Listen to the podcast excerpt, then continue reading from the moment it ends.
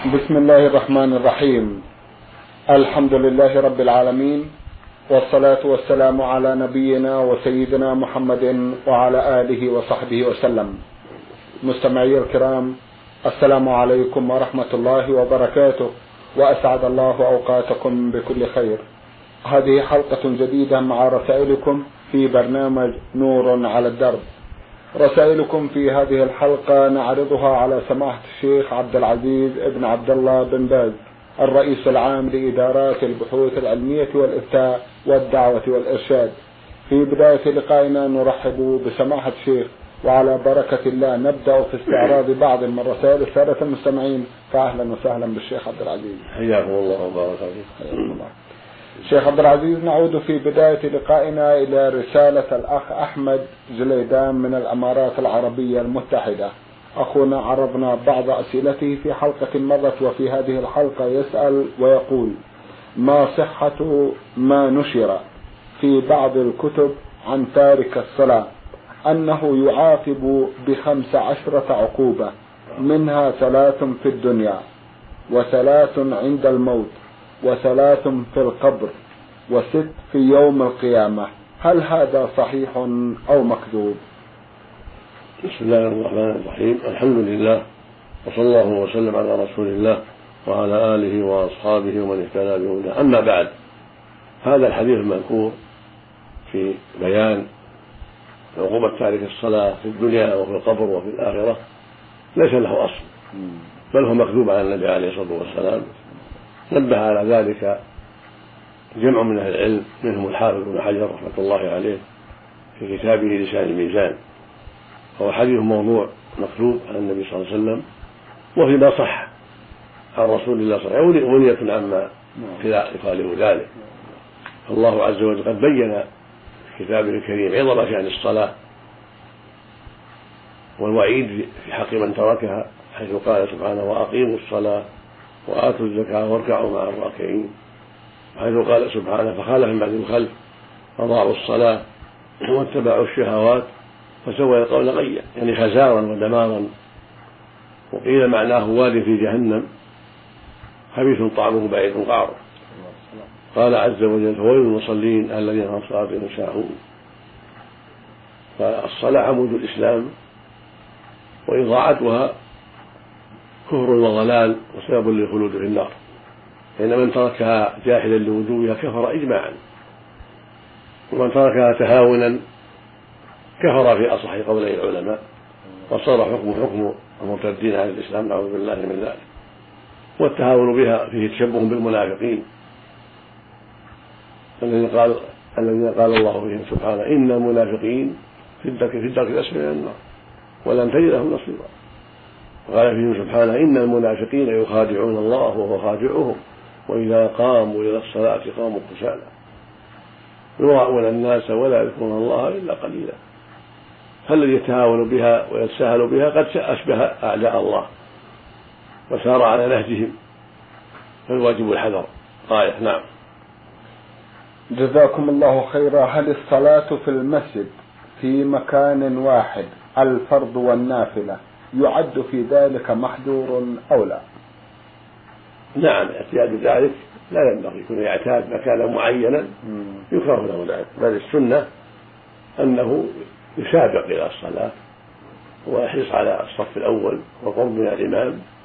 أما يتخذ محلا معينا يجلس فيه ولو ولو بكر ووجد ما هو أفضل منه هذا خلاف المشروع السنة في المؤمن أن يسابق ويسارع إلى الصلاة وأن يحرص على الصف الأول وعلى قوم من الإمام ولا يتخذ له مكانا معينا يصلي فيه ويترك ما هو أفضل منه. والله المستعان. نعم. من حفر الباطن المستمع ميم طاف بعث يسأل ويقول ضاع لوالدي بعض من الإبل وذهب يبحث عنها. وعندما وجدها وجد معها بعيرا لا يعرفه ولا يعرف صاحبه وجاء به مع إبله. ومكث هذا البعير عندنا وقتا طويلا ولم يأت من يسأل عنه. فتوفي والدي رحمة الله عليه عام 84 وبعد ذلك مات البعير. والسؤال هل على والدي شيء؟ وماذا يجب علي أن أفعل الآن؟ حيث أني أريد أن أبرئ ذمة والدي وكم القيمة التي يجب علي أن أدفعها إن كانت واجبة علما بأن هذا الشيء مضى عليه حوالي عشرون عاما. جزاكم الله خيرا. الواجب على والدك رد هذا البعير وعدم إيواءه. لقول النبي صلى الله عليه وسلم لما سئل عن ضلالة الإبل دعها فإن معها حذاءها وسقاءها تجد الماء وتأكل الشجر حتى يلقاها ربها. فالواجب عليه لما وجد هذا البعير مع إبله أن يطرده وألا يؤويه. لكن ما دام أنه آوى مع إبله حتى مات البعير فلا أعلم عليكم شيئا في ذلك. إذا كنتم لم تسببوا في موته لا بشد ورحل ولا بغير ذلك. إنما هو مع الإبل يرعى معها ثم مات بدون عمل منكم ولا ظلم منكم فلا شيء. فلا أعلم شيئا عليكم في ذلك. نعم. وتبرئة ذمة المتوفى ليس هناك في ذمته شيء. ليس في ذمته شيء إلا الدعاء له بالمغفرة والرحمة لأنه أخطأ في إيوائه نعم. ولكنه لم يعمل شيئا في إتلافه. جزاكم الله خيرا. هنا رسالة وصلت إلى برنامج من الأخ عبد الغني صالح علي الصلاحي من الجمهورية العربية اليمنية. أخونا يقول لي أخت من الرضاع وأنا أصغر أخواني ولي أخ أكبر ويريد أن يتزوج هذه الفتاة. يقول لي أخت من الرضاع وأنا أصغر إخواني ولي أخ أكبر. ويريد أن يتزوج هذه الفتاة. هل يصح أن يتزوجها أم لا؟ افتونا جزاكم الله خيرا. إذا كانت هذه الفتاة أرضعتها أمكم رضاعا كافيا وهو خمس رضعات فأكثر فهي حرام عليكم جميعا لأنها أختكم جميعا. إذا كان الرضاع خمس رضعات أو أكثر حال كون الرضيعة في الحولين لم تفطم. أما إن كانت الرضاعة أنت رضعت من أمها. ولم ترضعها من أمكم. إنما أنت رضعت من أمها فقط. ولم يرضع أخوك من أمها فإنها حرام عليك أنت. هي أختك أنت وليست أختا له هو. لأنه لم يرضع من أمها وإنما أنت رضعت من أمها. فتحرم عليك لأنها أختك من الرضاعة. إذا كان الرضاعة خمس رضاعات أو أكثر. ولكن لا تحرم على أخيك. لأنه لم يرضع من أمها. والله أعلم. أخونا أيضا يسأل عن الفيديو والسينما وما حكم ذلك ويسأل عن الموسيقى. سماحة الشيخ. هذه الآلات الفيديو والسينما فيها خطر عظيم. ولكن إذا كان الفيديو لم يشتمل إلا على أشرطة السليمة ليس فيها معذور شرعا لا نساء عاريات ولا أغاني وملاهي ولا غير ذلك. إنما هي أشرطة سليمة تنفع العبد في دنياه وأخرى فلا بأس. وهكذا السينما لو وجد شيء سليم ليس فيه ما يخالف الشرع المطهر لم يكن فيها بأس. ولكن لما كان المعروف من الناس الآن أن السينما تجمع شرا كثيرا. وهكذا الفيديو في الغالب يسجل فيه الأغاني والملاهي والنساء الكاسيات العاريات وشبه ذلك حرم ذلك. فالحاصل أنها حرمت لما فيها من الشر ولما يكون فيها من الشر ويعرض فيها من الباطل. فلو وجد فيديو سليم أو سينما سليمة ليس فيها ما يخالف الشرع المطهر. لم تحرم. ولكن بسبب ما يقع فيها من الشرور والفساد والصور العالية والاجتماع على الأغاني والملاهي حرمت بسبب ذلك. وهكذا الموسيقى لأنها من آلات الملاهي. نعم. فلا يجوز تعاطيها. نعم. بارك الله فيكم. أخ مستمع يمني مقيم بالمدينة المنورة يقول رضوان علي ثابت. يسأل سؤالين. السؤال الأول يقول عندنا في اليمن في قريتنا بركة يتوضأ منها الناس. والماء الذي فيها قد تغير لونه وطعمه. هل الوضوء صحيح أم لا؟ نرجو منكم التوجيه إذا كانت البركة مصونة عن النجاسات وإنما تغيرها بطول المكث فلا يضر ذلك. أما إن كان يقع فيها نجاسات أو يستنجي الناس فيها عن الغائط والبول ويكون ذلك يسقط فيها حتى تغير طعمها أو ريحها أو لونها بذلك فإنها تنجس. قد أجمع العلماء على أن الماء إذا تغير طعمه أو لونه أو ريحه بالنجاسة نجس. أما مجرد الوضوء منها من خارج من يتوضأ من خارج لا فيها أو يتمسح مسوح فقط يعني يغسل وجهه ويديه من دون استنجاء هذا لا يضره ولو تغير في طول المكث كالمياه التي في البراري والصحاري. فإن الأحواض التي في البراري والصحاري قد تتغير بالتراب وبالأوراق أوراق الشجر وغير هذا مما تلقيه الريح. فلا يضر ذلك. فيكون بل يكون الماء طهورا سليما ولو تغير بهذه الأوراق أو بالتراب أو غير ذلك. نعم. تزوج رجل وعندما جاء وقت العقد راح والده وعمه وعقد دون حضور الزوج علما بأنه موجود بنفس القرية التي تم فيها العقد فهل الزواج صحيح أم لا؟ إذا كان تم العقد له على البنت بوكالة لأبيه أو لعمه فلا بأس. أما أن يعقد أبوه أو عمه له بدون وكالة هذا لا يصح. الواجب أن أن يكون العقد على يده هو فيقول قبلت يقول له زوجته ويقول قبلت. أما أن يتولى عنه أبوه أو عمه أو غيرهما من دون وكالة شرعية فلا يصح. إذا كان مكلفا أما إذا كان صغيرا لم يبلغ الحنث فلأبيه يتزوج له على الصحيح. نعم. رسالة مطولة باعثها أحد الإخوة المستمعين من السودان. رسالة مطولة باعثها أحد الإخوة المستمعين من السودان يقول إنه مقيم في ليبيا.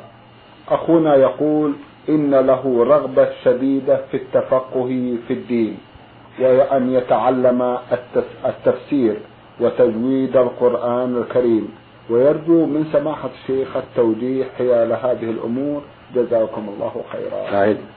يقول إنه إن له رغبة كبيرة في التفقه في أمور الدين ويرجو أن يتفقه في تجويد القرآن الكريم وفي التفسير وفي أمور الدين عامة. ويرجو منكم التوجيه. هو في ليبيا؟ نعم هو مقيم في ليبيا وسوداني الأصل. هذا واسمه علي أحمد آدم. هذا عمل طيب. غارة طيبة. ينبغي له أن يسارع إلى ذلك ويبادر بذلك. وإذا وجد في ليبيا من علماء السلف الصالح من المعروفين بالخير من يتفقه عليهم فالحمد لله. فإن لم يجد في ليبيا من يقوم بذلك شرع له أن ينتقل عنها إلى محل آخر يجد فيه علماء الشرع حتى يتفقه عليهم. وحتى يتعلم عليهم كتاب الله وتجويده. فالحاصل أنه وجد في ليبيا من يحصل به المقصود فالحمد لله. يبادر ويقرأ عليهم ويتعلم ويستفيد ويتفقه. فإن لم يجد انتقل إلى غير السودان إلى غير ليبيا. نعم. حتى يجد من يتعلم عليهم علوم الشرع المطهر ويتعلم عليهم علوم القرآن وتجويد القرآن. ويقول النبي صلى الله عليه وسلم من يريد الله به خيرا يفقهه في الدين. ويقول صلى الله عليه وسلم من سلك طريقا يلتمس فيه علما سهل الله له به طريق الجنة. فطلب العلم من أهم الأمور ومن أفضل العبادات. وهو واجب على كل مسلم أن يتعلم ما لا يسعه جهله. كل مسلم أن يتعلم ما لا يسعه جهله؟ فيما أوجب الله عليه وما حرم عليه. نعم. هل تنصحون بكتب معينة سماحة الشيخ؟ نعم ننصحه أولا بكتاب الله. طيب. ننصحه أن يتعلم كتاب الله ويتحفظه ويكثر من تلاوته وتدبر معانيه مع من تيسر من إخوانه الطيبين هناك. فإن كتاب الله هو أصل كل خير وينبع الهدى كما قال الله عز وجل إن هذا القرآن يهدي للتي هي قال سبحانه قل هو للذين آمنوا هدى وشفاء. قال عز وجل كتاب أنزلناه إليك مبارك ليدبروا آياته ويتذكر أولو الألباب. قال سبحانه أفلا يتدبرون القرآن أم على قلوب أقفالها؟ وقال جل وعلا وهذا كتاب أنزلناه مبارك فاتبعوه واتقوا لعلكم ترحمون. فنوصي جميع المسلمين بالعناية بكتاب الله والإقبال عليه والإكثار من تلاوته والعناية بحفظه وتدبر معانيه والعمل بذلك. هذا هو المشروع للجميع. وتعلمه وتعليمه فرض كفاية على المسلمين. ثم يشرع للمؤمن أن يلتمس هذا العلم والبصيرة حتى يتفقه عليهم وحتى يسألهم عما أشكل عليه من كتاب الله وسنة الرسول عليه الصلاة والسلام. ثم ينصح بعد ذلك بكتب الحديث الصحيح نعم. في الصحيحين فإنهما أعظم كتاب بعد كتاب الله عز وجل. ثم السنن الأربع سنن أبي داود والترمذي والنسائي بن ماجه فإنها كتب عظيمة وهي كتب السنة. وإن كان فيها بعض الأحاديث الضعيفة لكنها كتب عظيمة وغالب ما فيها أحاديث صحيحة. وفي إمكان طالب العلم أن يعرف ما فيها من الضعيف بالطرق التي رسمها بالعلم أو بسؤال أهل العلم العارفين بهذا. ومثل رياض الصالحين كتاب جيد مفيد غالب أحاديث صحيحة. مثل منتقى الأخبار لابن تيمية البيت ابن تيمية كتاب جليل. مثل بلوغ المرام الحافظ ابن حجر كتاب جيد مفيد. مثل عمدة الحديث الشيخ عبد الغني المقدسي. هذه كتب عظيمة في الحديث ينبغي المؤمن أن يعتني بها. حسب طاقته. نعم. بارك الله فيكم. من العراق رسالة وصلت إلينا وباعثها أخونا حاتم شمس الدين جبار. أخونا يقول عن كتاب المجموعة المباركة في الصلوات المأثورة والأعمال المبرورة يوجد في هذا الكتاب كثير من أحاديث نبينا محمد صلى الله عليه وسلم حسب أقوال الكتاب ومن ضمن الأحاديث هذا الحديث. عن رسول الله صلى الله عليه وسلم أنه قال من فاته صلاة في عمره ولم يحصلها فليقم في آخر جمعة من رمضان ويصلي أربع ركعات بتشهد واحد. يقرأ في كل ركعة فاتحة الكتاب وسورة القدر خمس عشرة مرة وسورة الكوثر ويقول في النية نويت أصلي أربع ركعات كفارة لما فاتني من الصلاة. قال أبو بكر سمعت رسول الله صلى الله عليه وسلم يقول كفارة أربعمائة سنة. حتى قال علي كرم الله وجهه هي كفارة ألف سنة. قال يا رسول الله ابن آدم يعيش ستين سنة أو مئة سنة فلمن تكون الصلاة الزائدة؟ قال تكون لأبويه وزوجته ولأولاده فأقاربه فإذا فرغ من الصلاة صلى على النبي مئة مرة بأي صيغة كانت ثم يدعو بهذا الدعاء ثلاث مرات. اللهم يا من لا تنفعك طاعتي ولا تضرك معصيتي تقبل مني ما لا ينفعك واغفر لي ما لا يضرك. يا من إذا وعد وفى وإذا تواعد وإذا توعد تجاوز وعفى اغفر لعبد ظلم نفسه ونسألك اللهم إني أعوذ بك من بطر الغنى وجهد الفقر. إلهي خلقتني ولم أك شيئا ورزقتني ولم أك شيئا وارتكبت المعاصي فإنني مقر بذنوبي فإن عفوت عني فلا ينقص من ملكك شيئا وإن عذبتني فلا يزيد في سلطانك شيئا. إلى آخر أرجو إرشادي هل هذا الحديث صحيح أم لا؟ وجزاكم الله خيرا. هذا الحديث من الأحاديث الموضوعة المكذوبة على رسول الله عليه الصلاة والسلام. وهذا كتاب المجموعة المباركة كتاب لا ينبغي اعتماده لما فيه من الأحاديث الموضوعة. فهو كتاب لا يعتمد ولا ينبغي التعويل عليه. وهذا الحديث المذكور حديث باطل لا أساس له من الصحة. فينبغي المؤمن أن ينتبه لهذا الأمر وأن لا يعتمد إلا على كتب المعروفة الموثوقة التي بين أهل العلم ثقتها واعتمادها. مثل ما تقدم مثل الصحيحين ومثل رياض الصالحين نعم. بلوغ المرام بين ما فيه من الأحاديث وعمدة الحديث للشيخ عبد الغني المقدسي ورحمة الله عليه وأشبه ذلك. هذه الكتب المعروفة أما الكتب المجهولة والكتب التي ألفها الجهال والوضاعون مثل كتاب المجموعة المباركة وأشباه ذلك هذا لا يعتمد نعم. هذه رسالة وصلت إلى البرنامج ومن ليبيا وباعثها أحد الإخوة المستمعين. من هناك يقول خاء غين غين من بنغازي.